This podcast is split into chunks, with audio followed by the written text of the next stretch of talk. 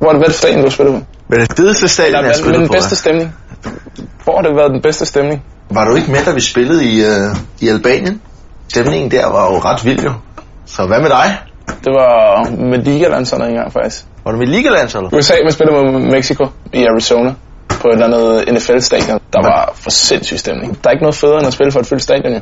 Altså, det er jo det bedste, der findes. Ugen efter spillede vi jo så på, øh, I parken, jo. i parken jo. Det var fandme god stemning. Ja, Det, jeg kunne lide den tifo, der var inden vi kom ind. ja. Det var rigtig du fedt. ved, jeg synes godt, at stemningen kunne være lidt bedre. Du ved, nogle gange så bliver der helt stille, ikke? Men jeg synes også, de godt kunne larme sådan mere Ja, permanent. der må godt være nogle slagsange. Yusuf, tror du, vores fans kan gøre det endnu bedre? Helt sikkert. Burde vi ikke sætte noget på højkant? Hey fans, vi udfordrer jer til at synge nationalsang endnu højere, end I gjorde sidste gang. Om I er i parken, eller om I er derhjemme, bare giv den gas og syng med. Og hvis I gør det, så giver vi jer noget tilbage.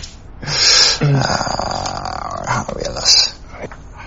Hvad med den her? Nå. Måske lige, lige, lige lidt for meget. Hvad med den her, dreng? Hvad fanden kan vi alle sammen finde på at gøre? Nu skal jeg se, dreng, hvad jeg har til vores fans. Det kan godt være, at den gamle ikke går med til det, men hvad med den her?